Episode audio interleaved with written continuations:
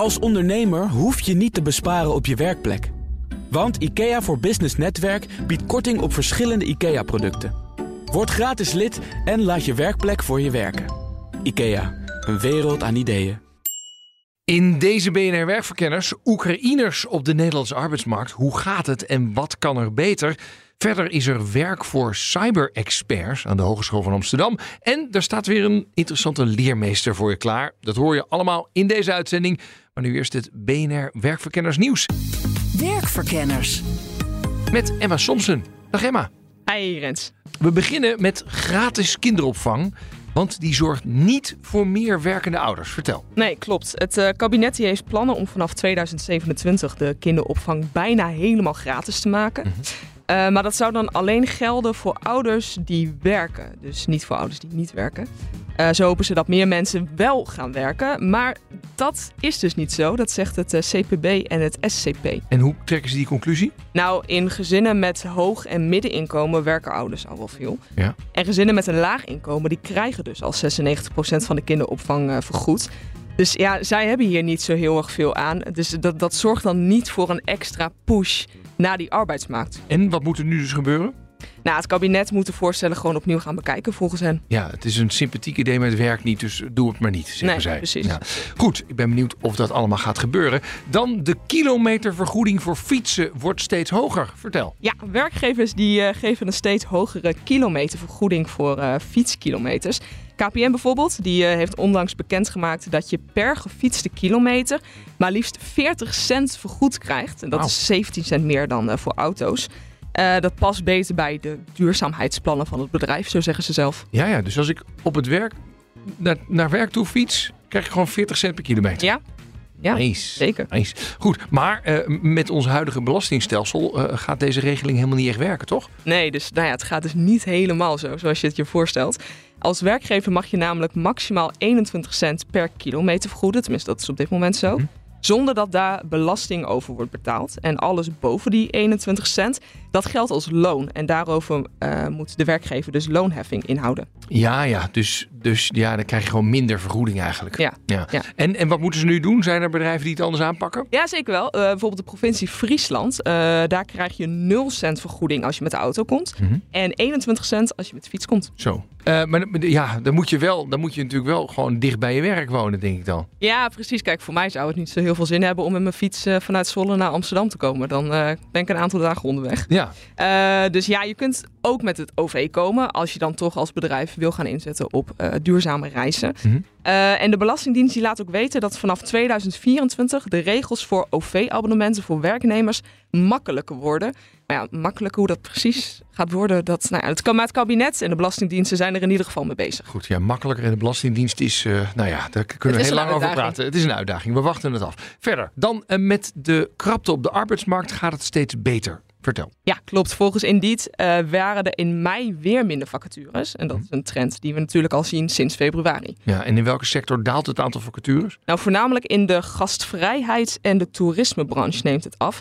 En dat is op zich opvallend, zo vlak voor de zomer natuurlijk. Uh, maar het is ook goed te verklaren, zo zeggen een aantal experts.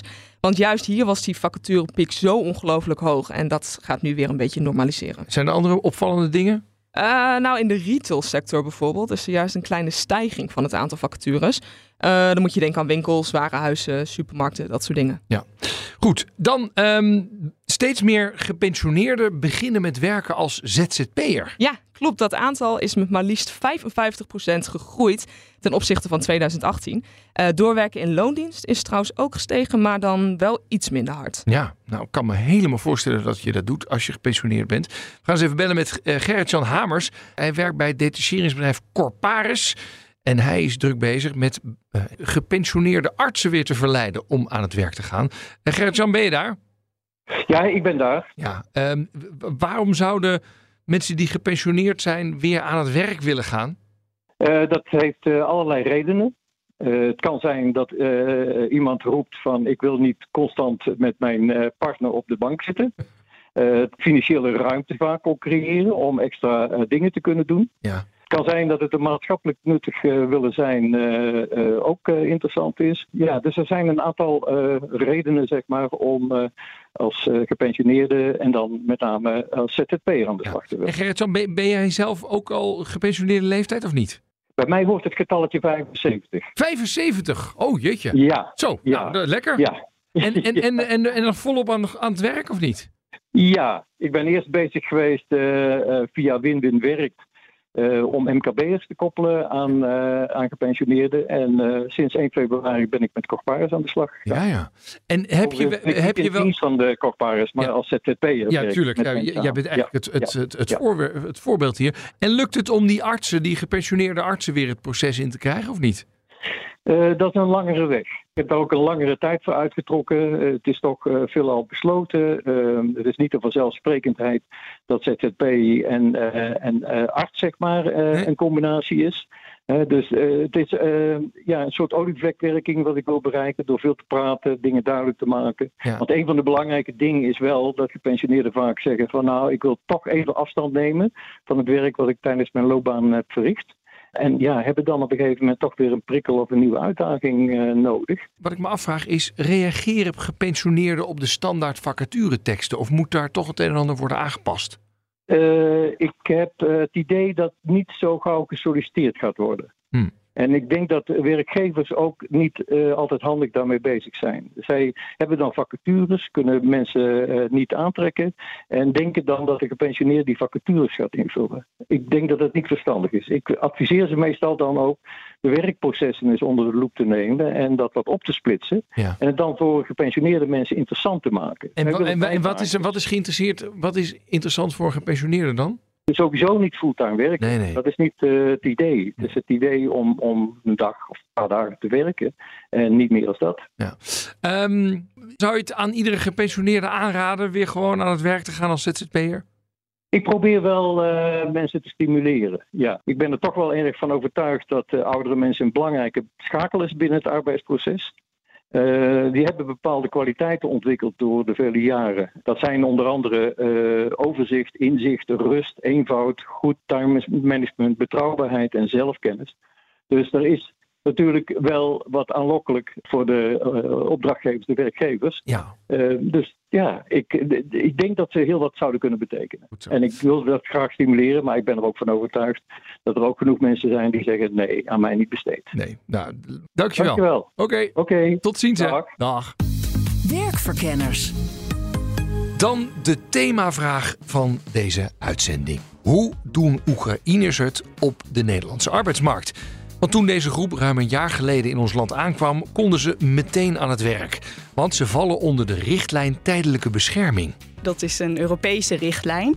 Uh, dat maakt dat zij buiten het asielstelsel zoals we dat in Nederland hebben vallen. Werkgevers openen meteen hun deuren, maar dat zorgde meteen ook wel voor uitdagingen. Bijvoorbeeld in Oekraïne knoop je niet zomaar een praatje aan met je baas, zoals we hier in Nederland wel doen. Before uh, the boss is uh, always like uh, like you are under, you know, always smaller than here.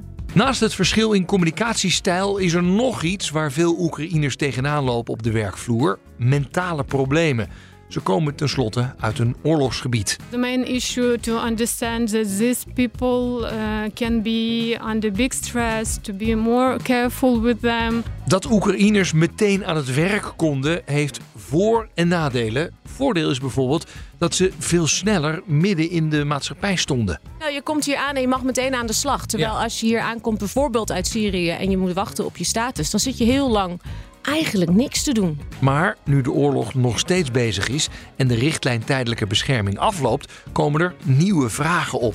Wat als de Oekraïners hier willen blijven? Want dan uh, wordt bijvoorbeeld de taal belangrijker. En krijg je ook te maken met mensen die bijvoorbeeld in Oekraïne uh, als advocaat werkten, maar nu met een heel ander rechtssysteem te maken krijgen. Dus dan heb je ook die, uh, ja, die diploma's die dan weer op een andere manier gewaardeerd worden. Rens de Jong. Straks gaan we kijken naar wat er allemaal beter kan. Wat moet iedere werkgever nu in zijn of haar oren knopen? Maar eerst zoomen we in op hoe Oekraïners het tot nu toe hebben gedaan op onze arbeidsmarkt. Mijn eerste gast helpt Oekraïense gezinnen om hun leven in Nederland vorm te geven. Mijn naam is Sandrine Lafay en ik werk bij Open Embassy. En daar ben ik onder andere betrokken bij ons project Direct Meedoen. Mhm. Waarbij we 75 Oekraïense huishoudens direct ondersteunen. Met onder andere het vinden van werk, maar ook alle andere vragen die zij hebben. Bij dingen die komen kijken bij het opbouwen van je leven in Nederland. En, en wat doet Open Embassy dan precies? Open Embassy ehm, ontwikkelt data-gedreven oplossingen voor integratievraagstukken. Nou, Mhm. dat, dat klinkt, Klinkt heel chic, eh, ja. klinkt heel chic. Maar wat we eigenlijk doen, is dat we mensen direct ondersteunen met vragen waar zij tegenaan lopen. En dat tegelijkertijd zien als bron van kennis over wat wel en niet werkt in het systeem. Ah, ja. En wat misschien veranderd zou moeten worden. Dus die Oekraïners komen bij jullie terecht en jullie begeleiden ze dan weer richting werk of studie of wat dan ook. Kan me zo Ja, voorstellen. en, en specifiek binnen dit project samen met Newbies, die het begeleiden naar werk doet. En wij pakken alle vragen die daaromheen hangen op. Omdat je ziet dat een vraag eigenlijk nauwelijks alleen om werk gaat. Omdat alle leefgebieden uiteindelijk weer invloed hebben op elkaar. Ja. Eh, Even, er is een tijdelijke wet die maakt dat Oekraïners, anders dan andere vluchtelingen, meteen aan de slag kunnen. Hoe zit dat precies? Ja, ehm Oekraïners die, eh, hebben recht op bescherming onder de richtlijn tijdelijke bescherming. Dat is een Europese richtlijn. En eh, dat maakt dat zij buiten het asielstelsel zoals we dat in Nederland hebben vallen. Ze direct als ze eh, aankomen in Nederland en zich aanmelden bij een gemeente, hebben ze gelijk recht op die bescherming. En ze hoeven dus geen asiel aan te vragen. En ze hoeven dus ook bijvoorbeeld niet de inburgering te doorlopen. Wat bij nieuwkomers afkomstig uit andere landen wel het, gev- het geval is. Wel interessant voor jullie als onderzoeksobject dan ook. Zeker, ja, Toch? dat is ook echt hoe wij erin staan. Dat ehm, het feit dat Oekraïense mensen direct toegang hebben tot de arbeidsmarkt, als een casus te zien, wat kunnen we daar nou van leren als mensen wel direct kunnen werken? Wat doet dat met mensen zelf? Ja. Eh, om wel die autonomie en vrijheid te hebben. En zijn er ook dingen die we daarvan kunnen leren voor nieuwkomers uit andere landen? En nou, die zijn er zeker. Ja, zijn er al conclusies te trekken of niet? Ja, het, het is een vrij eh, genuanceerd beeld, denk ik. Want er zitten zowel voor- als nadelen uiteraard aan deze specifieke situatie voor Oekraïnse nieuwkomers. Maar we zien zeker voordeel in eh, vanaf het begin al zelf je weg kunnen uitstippelen. En in ieder geval die vrijheid hebben en autonomie hebben om dat te doen. Omdat uiteindelijk werk ook weer impact heeft, bijvoorbeeld op het kiezen van een woning. En meer bijvoorbeeld financiële vrijheid hebben om daar zelf keuzes in te maken. Mijn volgende gast heeft zelf Oekraïners werken in haar organisatie en begeleidt hen naar andere werkgevers.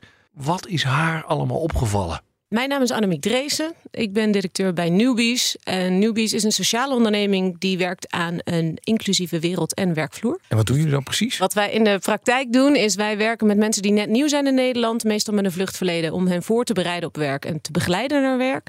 En wat wij ook heel veel doen, is wij werken met werkgevers om een inclusievere werkvloer te maken. Dus wij begeleiden hen bij het openstellen van hun bedrijf, een onderneming, een organisatie voor mensen die met een divers talent eh, bij hen komen werken. Ja. Werken er ook veel Oekraïners bij Newbies? Er werken zeker ook Oekraïners bij Newbies. Ja, zeker. We werken specifiek ook met deze doelgroep. En het is bij ons de regel, als wij werken met een doelgroep, dan nemen wij ook mensen aan die daaruit komen, zodat wij goede service kunnen verlenen. Ah ja, en hoeveel zijn het er ongeveer? Die bij ons werken. Ja? We hebben drie mensen uit Oekraïne bij ons werken. En hoe lang werken die al bij je? Nou, zo'n beetje sinds ongeveer een jaar geleden. Eh, dus toen de oorlog net uitbrak, toen eh, dachten wij. eh, nou, toen zagen we vrij snel mensen uit Oekraïne naar Nederland komen. En eh, daar wilden wij meteen mee aan de slag. Dus Ja. zijn we meteen op zoek gegaan. Ja. Even het werken met de Oekraïners. Eh, er was enorm veel goodwill van jongens, die mensen komen hierheen, laten we ze werk eh, aanbieden. Ehm, waar ben je tegenaan gelopen? Wat is meegevallen, wat is tegengevallen? Nou, waar bijvoorbeeld veel tegenaan lopen zijn eigenlijk met name de, de eigen Nederlandse eh, eh, eigenschappen van een werkvloer. Die we niet zo goed meer herkennen omdat we er zelf de hele dag in zitten. Zoals? Eh, zoals dat wij verwachten dat mensen uit zichzelf heel proactief zijn. Of uit zichzelf zeggen dat ze het misschien ergens niet mee eens zijn. Eh, terwijl veel mensen die uit eh, andere culturen komen, andere werkculturen komen, veel meer gewend zijn aan een hiërarchische situatie. Waar je echt niet tegen de baas gaat zeggen dat, het niet, eh, dat je iets eh, niet weet of, eh, of het anders zou doen. Ja, maar dat is inderdaad niet specifiek voor Oekraïners. Ik sprak laatst een baas en die werkte met Belgen. En die zegt, ja, ik wil graag dat ze iets gaan zeggen tegen mij als ze het niet mee eens zijn. Maar Ja. Dat, ja. Ja, nou, dat is ook wel een beetje mijn boodschap. Dus het is ook wel zo dat inderdaad dat het met name in de spiegel kijken is als je aan de slag gaat met mensen die elders vandaan komen. En er zijn natuurlijk dingen heel duidelijk, zoals de taal. Mensen spreken geen Nederlands als ze hier naartoe komen, dus daar moet je iets op vinden. Eh, maar uiteindelijk is in mijn beleving de niet geschreven taal en de niet geschreven regels die we met z'n allen verzinnen op het werk, dat dat de dingen zijn die het meeste aandacht vergen. Dus je moet eigenlijk de ongeschreven regels geschreven maken. Nou, of in ieder geval duidelijk maken. Ja, hoe Ja. doen mensen dat? Hoe doen bedrijven dat? Ja, dat is een hele goeie. Wij doen dat bijvoorbeeld door. eh, wat een dingetje is, bijvoorbeeld, is eh, eh, werk en privé. Of hè, een borrel op kantoor. Is dat dan privé of is dat dan werk? En wordt daar dan alcohol gedronken? Ja of nee? Dus daar gewoon heel duidelijk over zijn. Ja. We gaan dit doen.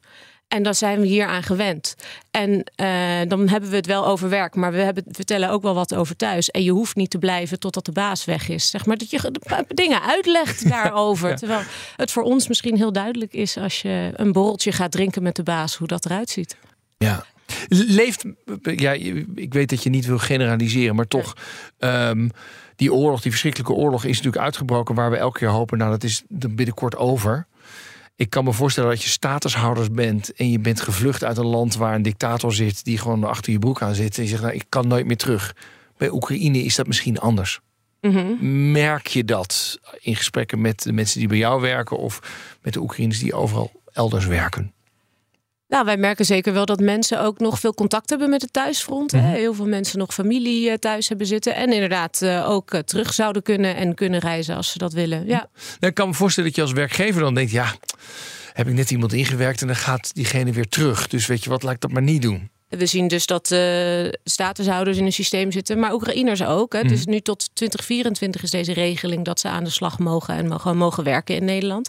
En daarna weten we niet precies hoe dat eruit gaat zien. Dus er zijn zeker werkgevers die zeggen: ja, hoe lang, hoe lang kunnen we dit, eh, deze constructie eh, blijven Ah, volhouden? ja. ja, die denken Ja. ook van eh, tw- 2024 misschien dat mag het helemaal niet meer. Dat zou zomaar kunnen. En dat is wel een vraag die bij veel werkgevers leeft. Dus altijd regelgeving aan verbonden. Als je iemand uit Oekraïne aanneemt, moet je dat ook melden bij het UWV. Dus er zit wel altijd een administratieve handeling aan die, eh, die, waar je als werkgever wel doorheen moet. En dan mijn laatste gast. Ja, je kunt natuurlijk geen uitzending maken over Oekraïners in Nederland zonder hen zelf te spreken. Tatjana is een van die Oekraïense collega's die bij Newbies werkt. I'm Tatiana. Uh, I'm in Amsterdam since uh, May uh, previous year with my uh, husband and my dog. I'm working here at Newbies, where we help people uh, to integrate in Dutch society, support them, uh, and make their life easier Yeah. and more interesting. So, and you fled from the Ukraine last year, I guess. yes. Where where are you originally from in Ukraine? Uh, I was born not far from Kiev. It's like uh, almost 100 kilometers, but uh, I was living in Kiev uh, like more than 10 years. Okay. So, and you're working at Newbies already. Yeah. Is there a communications difference in in how the Dutch approach their work and and you're used to in Ukraine? Let's say in the Netherlands, it's pretty easy to talk to your boss and It's say what you don't. i- It's, it's your friend, Yeah. right? I guess there's a difference in Ukraine as well. Yeah, of course. Uh, usually, not every time it's the same. Of course, it can be different. And now, uh, I think uh, later years it became better. Of course, uh, but before.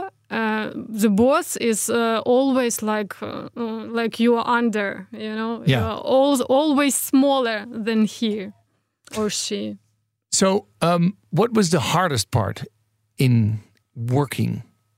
Uh, for me, exactly, it connected with my tasks. Um, I need to connect with employers uh, to to talk to. Uh, to start the uh, the connection, you know, and for me it was, and still I'm working on it. Uh, It's hard to connect to Dutch employers. uh, It's not so hard. Uh, it's for me. Uh, I feel like, oh my god, maybe I'm uh, like asking something, and uh, it's it's not for th- they don't have time for me or something like this. You know, that this is my feeling. Yeah. Yeah. And what's the most positive thing about working in the Netherlands? That it's like a family. Uh, Maybe it's uh, only with me, but uh, it's like friends uh, and uh, no, family. It's too close. Okay, it's like friends, and. Uh, really easy and um, it's like a flow. You just can uh, can be creative because you are more relaxed or something, you know, and express yourself. Mhm. Straks verder met de vraag wat we kunnen doen om de positie van Oekraïners op de arbeidsmarkt te verbeteren. En de oprichter van de grootste Nederlandse organisatie voor plantaardig eten bedankt haar leermeester. Dat allemaal zometeen. Maar nu eerst werk. Een functie aan de Hogeschool van Amsterdam. De vacature. Iedere week dan speuren we het web af op zoek naar interessante en opvallende vacatures. En deze keer viel ons oog op een baan bij de Hogeschool van Amsterdam. Er staat professionals met ervaring in het brede vakgebied van cybersecurity. Nou, dat is een hele mond vol. Er staat niet bijvoorbeeld docent. Eh, ik ben benieuwd wat ze nou gaan zoeken. Ehm, we bellen met Esther Tielen en zij is teamcoördinator van de opleiding Cybersecurity. Met Esther Thielen. Dag Esther, met Rens de Jong van BNR. Hoi. Hi. Jij zoekt professionals met ervaring in het brede vakgebied van cybersecurity. Dat klopt. ja, er staat Ja. niet docent. Nee. Waarom niet? nee. Ja, ik heb het expres eh, geprobeerd om, om, nou ja, om niet eh, als docent eh, het in te vullen. Want dat hebben we al eerder geprobeerd. Mhm. En daar hebben we wel eh, een paar reacties op gekregen. Maar we zoeken eigenlijk nog veel meer mensen. Ja, ja. En ik dacht van, nou, misschien schrikken mensen wel een beetje af van het woord docent. Oh ja. Eh, mensen uit het vakgebied die ervaring hebben met cybersecurity of een specifiek eh, onderdeel van cybersecurity, maar nog nooit voor een klas hebben gestaan. Die denken van ja, maar je zoekt een docent. En vandaar dat ik dacht van nou, ik ga het woord veranderen in professional. Ja. In de hoop dat daar mensen op reageren. Waar, en waarom zouden mensen dat doen? Dat, want je moet het even aantrekkelijk voor ze maken. Want, want, want die cybersecurity specialisten, nou, we weten niet waar we ze vandaan moeten halen. Nee, dat klopt. Ja. En eh, ja, we proberen het inderdaad zo aantrekkelijk mogelijk te maken. Ik denk dat de meeste mensen op een gegeven moment in hun carrière wel het gevoel en het idee krijgen dat ze graag hun kennis en ervaring met anderen willen delen. En eh, ja, die mensen proberen we natuurlijk heel erg aan te spreken. Maar aan de andere kant ook eh, mensen met misschien iets minder lange ervaring in de cybersecurity. Met het idee om samen te werken met eh, jonge studenten te begeleiden. En ook om ja, natuurlijk ons, ja, onze netwerken, ons land, onze samenleving wat veiliger te maken. Ja. En daar, eh, daar is heel veel vraag naar. Dat is hard nodig ook. Ja. Ja. En eh, even voor, even voor mij, wat, wat stel je voor, ik ben professional in de cybersecurity. Denk, oh ja, dat is eigenlijk, daar heb ik altijd al aan gedacht. Wat voor leerlingen heb ik tegenover me? Zijn dat een beetje gemotiveerde types of niet? Eh, over het algemeen wel, zeker. Ja, eh, het zijn eh, studenten die ofwel van, direct van de HAVO, eh, VWO komen, of die misschien al wat langer rondlopen en misschien ook al wel wat werkervaring hebben en op een gegeven moment het idee hebben van, hé, hey, dit is hetgeen wat ik wil gaan doen. Ik moet natuurlijk ook wel eerlijk zijn, hè, er zijn ook altijd wel studenten bij die eigenlijk niet zo goed vooraf weten waar ze aan beginnen en het uiteindelijk toch een beetje tegenvalt, het vakgebied. Want het is Dus niet, het is niet de hele dag hacken, zeg maar. Nee, helemaal niet. nee, Nee. nee, nee. nee. En, ik kan me ook wel voorstellen dat ik zou wel een beetje opkijken tegen... ja, dan moet ik die kinderen les gaan geven. En ik heb het nog nooit gedaan. Krijg Mhm. ik daar nou nog een beetje eh, opleiding in of wat dan ook? Zeker, zeker. Ja, je wordt heel erg eh, ja, opgevangen meteen binnen de opleiding. Dus je krijgt ook al meteen een ervaren docent die je begeleidt. En eh, ja, je op weg helpt. Maar uiteindelijk, eh, en dat is vaak eh, na een jaar, als je al een beetje gewend bent, een beetje weet wat voor vlees je in de kuip hebt, krijg je ook een eh, interne opleiding. Dus een didactische, zodat je een didactische aantekening eh, hebt. Goed zo. Nou, ik hoop dat er een cybersecurity of meerdere... want je zoekt er meerdere, eh, Ja, richting ja. de HVA gaan. Heel fijn, het zou heel fijn zijn. Dankjewel voor de tijd. Jo, hoi. Hoi. Rens de Jong. Oké, toen de eerste Oekraïense vluchtelingen naar Nederland kwamen, konden ze meteen aan de slag in ons land. En met z'n allen hoopten we natuurlijk dat de oorlog zo snel mogelijk voorbij zou zijn.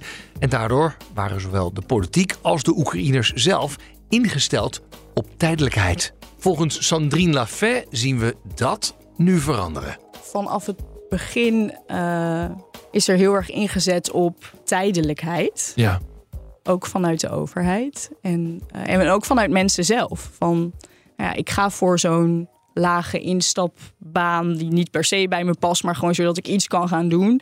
Omdat ik niet weet hoe lang ik hier ga blijven. En ook bijvoorbeeld de faciliteiten om Nederlands te leren. Mhm. En, de, en de, de wil om Nederlands te leren.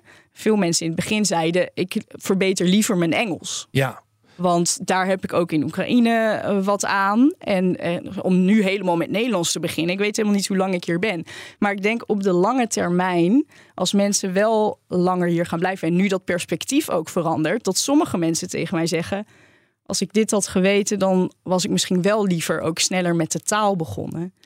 En dat direct meedoen, eh, hoewel ik denk dat het een positief iets is, moet het wel gecombineerd gaan met manieren om mensen echt te laten landen in de lokale context. En Mhm. mee te laten doen, niet alleen aan werk, maar ook aan de samenleving. Ja. Dus hoe ontmoet je mensen buiten eh, mensen met een gedeelde identiteit? Hoe leg je connecties met organisaties? Hoe kun je inderdaad de taal leren? En hoe heb je daar ruimte voor, ook buiten werk? Ja, en als je het heel tijdelijk gaat zien, dan gaan mensen zich ook heel tijdelijk gedragen. Toch? Ja, maar dat is natuurlijk wel complex, want mensen wilden niet weg uit Oekraïne. Nee, nee Dus- ze willen ook dus- heel snel terug, als het kan. Dit is ook allemaal met de kennis van nu. Van Ja. dat- Omdat we nu weten dat het, dat het eh, al zo lang voortduurt. Maar in die beginmaanden eh, was dit ook niet een boodschap die, denk ik, gebracht had kunnen worden. Want we hoopten allemaal eh, dat het van korte duur zou zijn.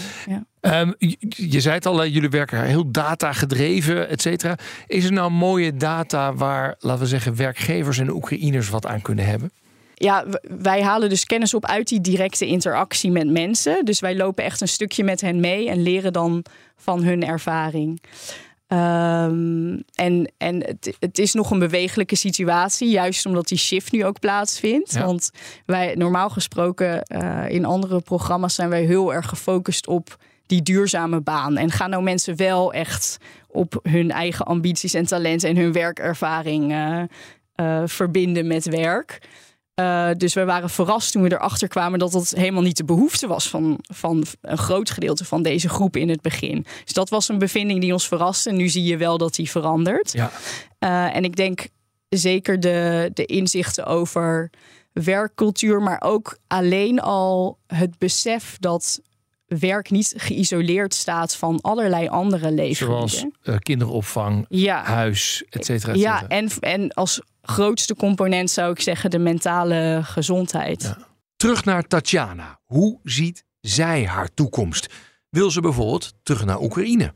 Not nearest future, yeah. No. But I would like to go back uh, and help Ukrainian people in psychological field.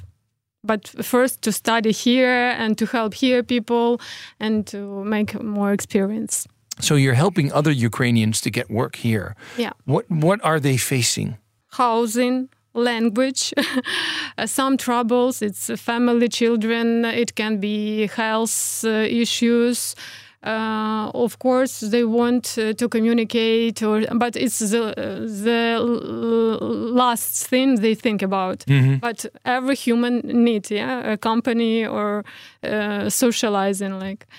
Uh, So all these uh, things uh, is very important and need to work on it. And and how how do they work on that? Because you have to learn on the job, right? Um, how's how's that going for them? It depends on a person always. Yeah. Uh, so you can be introvert, you can be extrovert. For for you, uh, it's easier or harder, um, but uh, it's always a job. Uh, to find a job is a job, and, and it's really hard job. You need to be very active. To find a friend is also kind of a job. You need to uh, overwhelm yourself in something uh, to be open. It's hard to be open when you're under stress and Right. when your relatives in war. Yeah. Uh, and you also have a feeling of guilty. Ah, Yeah, because you're here You are having here. a good You are time. Actually, you're safe. yeah, Uh, and, and trying to make Dutch friends or international friends while exactly. your relatives are still there in in uh, in Kiev and surroundings, right? Yeah. Yeah. If I would be a Dutch employer, right, thinking about well getting Ukrainians in and and and starting to work for me, what is the biggest lesson I should learn? Uh, just today, I had a meeting with uh, my uh, companion in this project, and we talked about it. and it appeared that the most important question for employers to understand that Ukrainians in war. Here they are also in war. They are living with uh, uh, that news that we uh, have uh, in Ukraine, and mm -hmm. their relatives can be there, and they are probably there. Some relatives can fight. Uh, some relatives just live in uh, under occupation or something. Uh, so it's uh, the main issue to understand that these people uh, can be under big stress, to be more careful with them, um, to understand maybe that um, they will be not so uh, efficient in uh, job sometimes. It can be period, yeah. The people here, the Ukrainians here, are safe, but they still yeah. feel that they're in a war because their relatives are. They feel war. danger Yeah. Because their relatives there and their country. And they need psychological help, of course, also.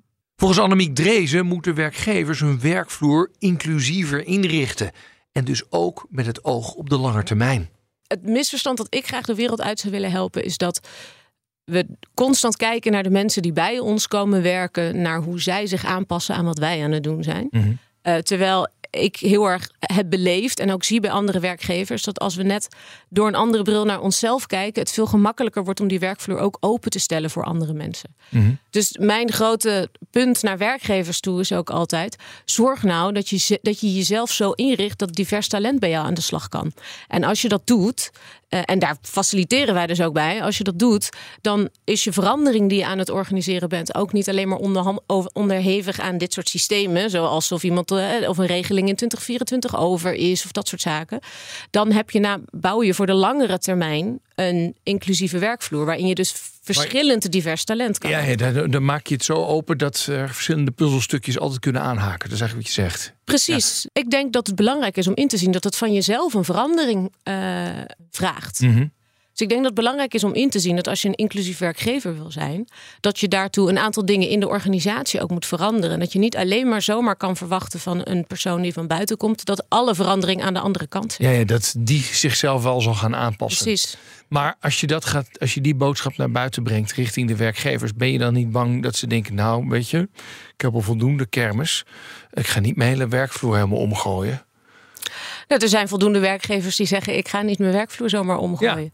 Maar ik denk ook dat we in een wereld leven die steeds diverser wordt. Er blijven mensen hier naartoe komen. We mhm. blijven met een steeds diversere samenleving uh, uh, zitten. En dat is toch iets waar we met z'n allen iets mee moeten. Zeker in deze arbeidsmarkt. Het zijn allemaal mensen die veel competenties hebben, die graag willen werken, die hard aan de slag kunnen bij jou. En waar je wat aan kan hebben. Bovendien is het een grote, grote eh, demografische groep waar je als uh, werkgever als bedrijf misschien ook wel iets af wil zetten. Dus het is sowieso geen slecht idee om op die manier aan de slag te gaan als werkgever. En over die cultuurverschillen, hè? maakt niet uit welke cultuurverschillen. Nederlanders hebben wel de neiging, nou weet je, doe het nou gewoon lekker op mijn manier. Dat werkt al heel lang zo goed bij ons. Bijvoorbeeld, joh, als jij nou eens wat proactiever bent, weet je, dan ga je lekker mee in dit bedrijf. Mm We walsen er af en toe een beetje overheen, heb ik het gevoel. Wij zijn toch wel een beetje een horkerig botvolk. Durf ik dat te zeggen. Direct, laten we het bij direct houden. um, ja, wat moet ik daar dan mee? Nou, nogmaals, ik denk. Maar moet ik, moet ik tegen mensen zeggen, joh, echt, je moet je wel een beetje aanpassen aan hoe wij dat doen in Nederland? Of wordt, moeten wij wat internationaler worden? Ik denk dat we dichter bij elkaar moeten komen. Mhm. Dus ik denk dat we als werkgevers moeten zeggen: dit is hoe het is, maar dat we dan ook moeten uitleggen hoe het werkt. Dus daar moeten we dan ook open en eerlijk in zijn. En tuurlijk mogen we verwachten dat iemand zich daar een beetje aan aanpast. Maar we kunnen niet verwachten dat we gewoon door kunnen gaan zoals we het altijd deden, zonder erbij te vertellen het hoe en het waarom daarvan. Ja. Bovendien. Maar dan is de vraag bijvoorbeeld over de productiviteit, want dat hoor ik echt heel vaak terugkomen. Dus ja, zeg het dan. Weet je wel, je kunt het toch tegen mij zeggen, ik ben toch je baas, dan kun je toch gewoon alles zeggen tegen mij. Ik heb het gevoel dat dat echt een paar jaar duurt voordat je dat als buitenlander hier in Nederland doorhebt dat dat daadwerkelijk mag en kan. Dat is ook zo. En ik denk dus ook dat we als als bazen en als leidinggevenden daar een stap in kunnen zetten. En dat we dat kunnen moeten uitleggen. En, hoe concreet doen we dat dan? Helpen. Ja, hoe doen we dat dan? Uh, een van de dingen die wij zien heel goed werken, is dat je een buddy aanstelt. Dus iemand van eenzelfde level. Dus dat je niet het hiërarchische ding hebt waar je niet iets tegen de baas hoeft te zeggen. Die regelmatig actief incheckt bij iemand over hoe het gaat en wat iemand ergens van vindt en of alles begrepen is en, of, en dat soort zaken. Dat helpt heel erg om op, gelijk, om op gelijkwaardige voet met elkaar te bespreken hoe dingen hier en wat kan wel en wat kan niet. Dat soort dingen kan je als baas heel goed inrichten. Conclusie over Oekraïners op de Nederlandse arbeidsmarkt. Toen deze groep naar ons land kwam, konden ze direct aan het werk door die richtlijn tijdelijke bescherming. Dat had zowel voor- als nadelen. Zo stonden ze meteen in de Nederlandse maatschappij, in tegenstelling tot andere groepen vluchtelingen. Maar het bracht ook wel uitdagingen met zich mee. Taalbarrière, verschil in omgangsvormen. In Oekraïne drink je niet zomaar een borreltje met je baas. En daarnaast heeft deze groep ook te maken met mentale problemen. Ze komen tenslotte uit een oorlogsgebied. Nou, dat kan voor een flinke stress zorgen, waardoor ze niet altijd volledig gefocust zijn op hun werk. En daar moet je dus wel rekening mee houden als werkgever. En nu die oorlog nog steeds bezig is, staan we voor nieuwe uitdagingen. Willen de Oekraïners hier blijven, ja, dan moeten we onze arbeidsmarkt en onze samenleving daarop aanpassen. Help ze met de taal, het leggen van contacten. En volgens mijn gasten is een inclusieve en open werkvloer belangrijk. Heb een beetje geduld. Leg uit waarom je de dingen doet zoals je ze doet. En verwacht niet dat iemand zich volledig aanpast, maar probeer een beetje naar elkaar toe te komen. De leermeester. Laatste onderdeel van deze uitzending. De leermeester. Wie zorgde bij jou voor een kantelpunt in je carrière? Wie maakte dat je bijvoorbeeld een andere afslag koos? Of hielp je een stap te zetten die je anders helemaal niet durfde te zetten? Deze week bellen we met de leermeester van Veerle Frins. Zij is medeoprichter van ProVeg. Dat is de grootste Nederlandse organisatie voor plantaardig eten. Dag Veerle. Dag uh, Rens. Uh, wie is jouw leermeester? Uh, dat is Tobias Leenaert, oprichter van uh, de Belgische organisatie EVA. Dat is een organisatie die zich inzet voor uh, meer plantaardig eten. Ah, en, even heel kort in een paar zinnen, want we gaan hem zo direct bellen. Wat heeft hij jou geleerd? Eigenlijk twee belangrijke dingen. Eigenlijk een pragmatische en empathische aanpak als je anderen wil inspireren om meer plantaardig te eten. En mm -hmm. op persoonlijk gebied dat je ondanks tegenslagen in je leven veel kan bereiken. En dat het heel weinig zin heeft om heel, heel veel of snel te oordelen over jezelf of over anderen. Oh, oké, okay, goed. Nou, ik ben benieuwd. Ik heb zijn nummer. Laten we even gaan bellen. Met Tobias. Dag meneer Leenaert, met Rens de Jong van BNR Nieuwsradio in Nederland. Goedemorgen. Goedemorgen. Ik bel u voor de rubriek De Leermeester. Heeft u enig idee wie u heeft aangewezen? Ik heb een idee, aangezien dat jullie vanuit Nederland bellen. Ah, oké. Okay. Goed. Nou, dus laten we eens even kijken ja. of dat klopt. Laten we even kijken of dat klopt. Ja, maak je maar bekend. Uh, ja, ik ben Veerle. Ja, en dan is even ja. de vraag. Tobias Leenaert, weet u dit nog, Veerle? Ja, ik dacht dat het Veerle ging zijn. Veerle, uh, uh, leg even uit, hoe kennen jullie elkaar? Um, ja, toen ik 15 of 16 was, ik zat op de middelbare school, was ik de enige vegetariër in mijn omgeving. En uh, er was een organisatie die Tobias had opgericht, Eva. En uh, ik ging er langs en ik leerde toen Tobias kennen. En ik vond hem meteen een heel inspirerende persoonlijkheid. Ja. Dat is heel leuk. Heel leuk om te horen.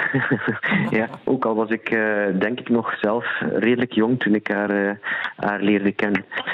maar ik ben van het moment dat ik haar leerde kennen altijd wel onder de indruk geweest van haar ook. Uh, ze, was, ze had, als ik me niet vergis, uh, al op heel jonge leeftijd de drie boeken gepubliceerd.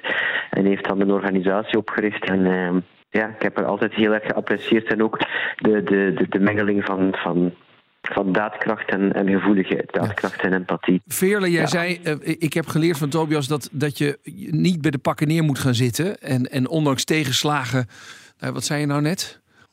Maar ja, dat het eigenlijk weinig zin heeft om heel veel, veel snel te oordelen over anderen of over jezelf. En eigenlijk die visie van slow opinion, dat... Uh, ja, waar, waar, waar, had, waar had je dat dan? En wanneer hielp Tobias je daar dan bij?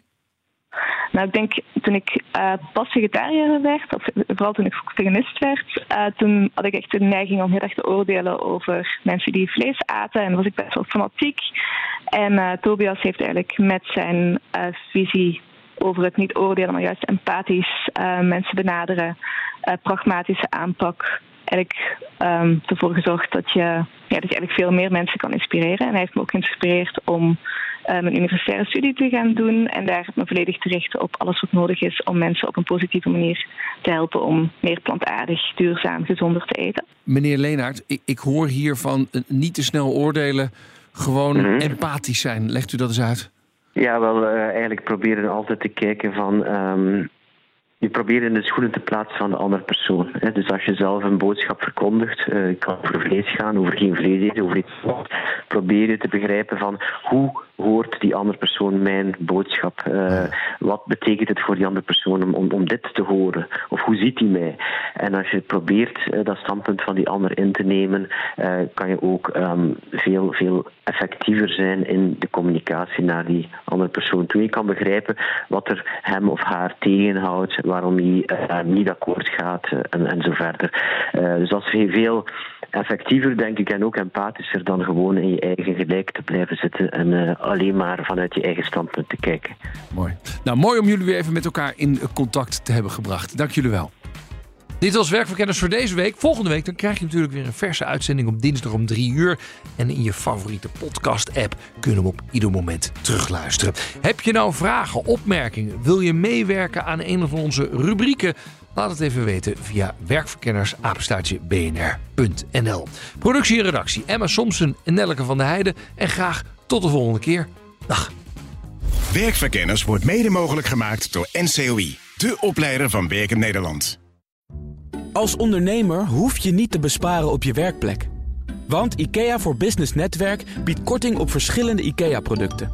Word gratis lid en laat je werkplek voor je werken. IKEA, een wereld aan ideeën.